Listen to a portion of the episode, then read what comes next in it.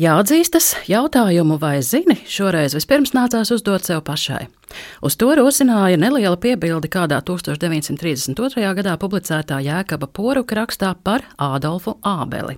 Citēju: Gūstā viņš raksta kontrapunkta piemērus, lai saglabātu tehniku.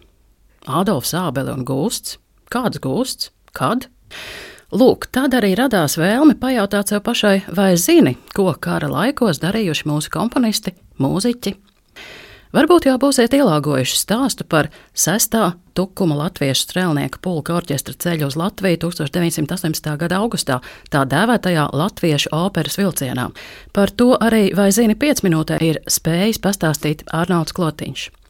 Atgādināšu vien to, ka, lai orķestranti drīkstētu pamest revolūcijas izpostīto Petrogradu un Krieviju, latviešu operas idejas autors jurists Andrēs Friedenbergs un pavisam jauniņais orķestra diriģents Teodors Rēters vairāk kārt nelegāli šķērsojuši demarkācijas līniju un, kā memoāros raksta Jāzeps Vītols, Friedenberga biezais naudas maks izdarījis brīnumus trīs vagoni ar krīta uzrakstu Latviju opera devās ceļā, un 1918. gada vasaras beigās Rīgā tika uzsākts latviešu operas izveides darbs ar sestā tukuma strēlnieku pulka orķestri kā visa fundamentu.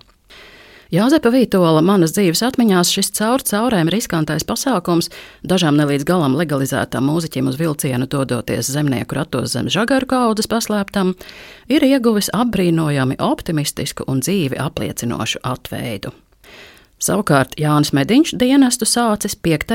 Sibīrijas dzelzceļnieku bataljonā, kā orķestra pianists, ar piebildi spēlēt varēšot arī oboju bet mājupceļu uz Latviju viņš mēro kopā ar latviešu strēlnieku Trojitskas pulku. Vispirms tūkstošiem kilometru cauri Sibīrijas taigai, bēgot no sarkanās armijas ne tikai ar pulka biedriem, bet arī ar sievu Olgu, pa abiem līdzi nesot divus pudus, tas ir vairāk kā 32 kg smago, 2000 lapušu biezo uguns un nakts partitūru. Pēcāk jau no Vladivostokas ar okeāna tvaikoni Voroņeža viss strēlnieku pulks dodas jaunās Latvijas valdības apmaksātā peldējumā pa dienvidu jūrām uz mājām. Šo dažabrīd vestērna cienīgo izglābšanās stāstu varam lasīt Jāņa Mediņa atmiņu grāmatā Toņi un Pustoņi. Bet Ādolfs Ābele Izrādās, pēc Pēterburgas konservatorijas pabeigšanas, jau sasniedzis 27 gadu vecumu, viņš vairs nekādi nevarējis izvairīties no iesaukšanas kara dienestā. Vispirms nonācis Krievu armijas 180. Pēterburgas kājnieku pulkā, 1917. gadā viņš lūdz iespēju pāriet uz latviešu strēlnieku pulkiem un nonāk 4. vidzemes strēlnieku pulkā. Kad pēc kara muzikantu apmācībām tērbetā Ābeli nokļūst Rīgas frontē, viņš ne tikai apmāca sava pulka orķestri, bet pat rīko ar to koncertus. Kapelmeistaram Ābelim gan pārāk labi nesot veicies ar tiešākajiem pienākumiem - maršu, spēlēšanu, ierindas soļošanai.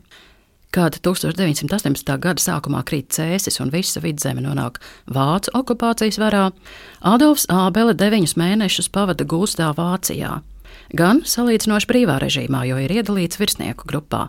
Darbos tā nesot sūtīta, un pēc goda vārda, ka nebeigs un neielaidīsies nekādās darīšanās ar vietējiem iedzīvotājiem, gūstekņi varējuši brīvi staigāt pa pilsētiņu. Tomēr dzīvot nācies ik pa brīdim pusbada apstākļos. Vēlāk, jau 30. gados, Tieši Ādolfam Ābelem, konservatorijas jaundibinātajā kara kapelmeistaru katedrā, uzticis skolot topošos kara orķestru vadītājus. Un vēl kāda epizode iz miera laikiem. 1934. gada augustā Melluža estrādē radiofona orķestris Dienvidslāvu diriģenta Lavrova un Matāčiča vadībā spēlē Jāņa Ivanova pirmo simfoniju. Tā diriģentam iepatīkas tik ļoti, ka viņš lūdz apgādāt ar notīm līdzvešanai. Ivanovs tobrīd dienē Latvijas armijā un pie partitūras un orķestra balsu pārrakstīšanas ķeras viņa dienesta biedri, ar iespaidīgo uzdevumu tiekot galā dažu dienu laikā. Tā nu tiek pavērts ceļš jaunās simfonijas skanējumam tālu ārpus Latvijas robežām.